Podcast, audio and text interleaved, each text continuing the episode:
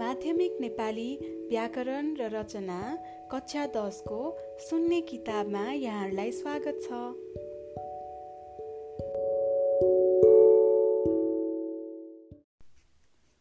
वर्ण विन्यास शुद्ध गर्ने तरिका।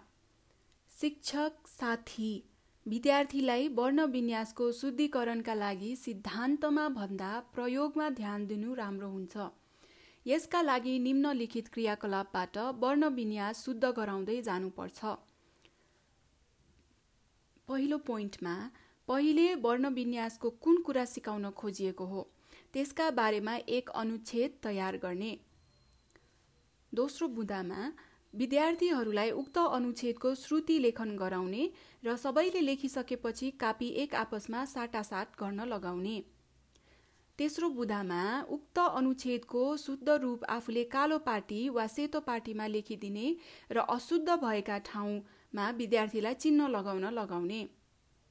चौथो बुधा गल्ती भएको सङ्ख्या समेत लेख्न लगाई कापी फिर्ता गरेर आफ्ना कापी आफैले लिन लगाउने। पाँचौँ बुधा जुन कुरामा लक्षित गर्न खोजिएको हो त्यसका बारेमा शिक्षकले स्पष्ट पारिदिने र विद्यार्थीलाई गल्ती भएका ठाउँमा गम्भीर भएर हेर्न र बुझ्न लगाउने।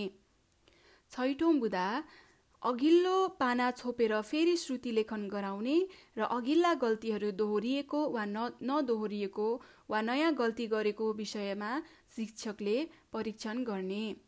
सातौँ यसरी दुई वा तीन पटक श्रुति लेखन र शुद्धिकरण गरेपछि विद्यार्थीले त्यस विषयमा फेरि गल्ती गर्दैनन्।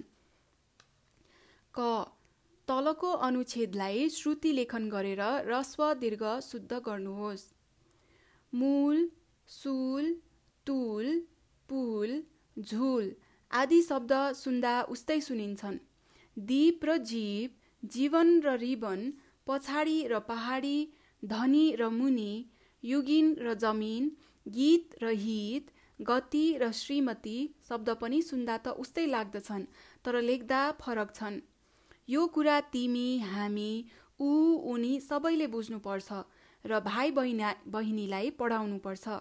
दाजु भाउजू र दिदी भिनाजु सबै खसी पालनमा लाग्नुभयो तर अल्छी हरि बुद्धु भीम ज्ञानी सीता अग्ली सरिता हुस्सु बद्री गफाडी देवी परिश्रमी दीपक सबै नोकरी गर्ने विचार गर्दैछन्। हामी देशका पुजारीले भिखारी बन्नु हुँदैन। बरु सबैले चिसो पानी पिउन् भोक भोकै बसुन् तर विदेशीको गुलामी नगरून् भनी कवि र रविले भने अनि धोबीले पनि थपडी बजायो।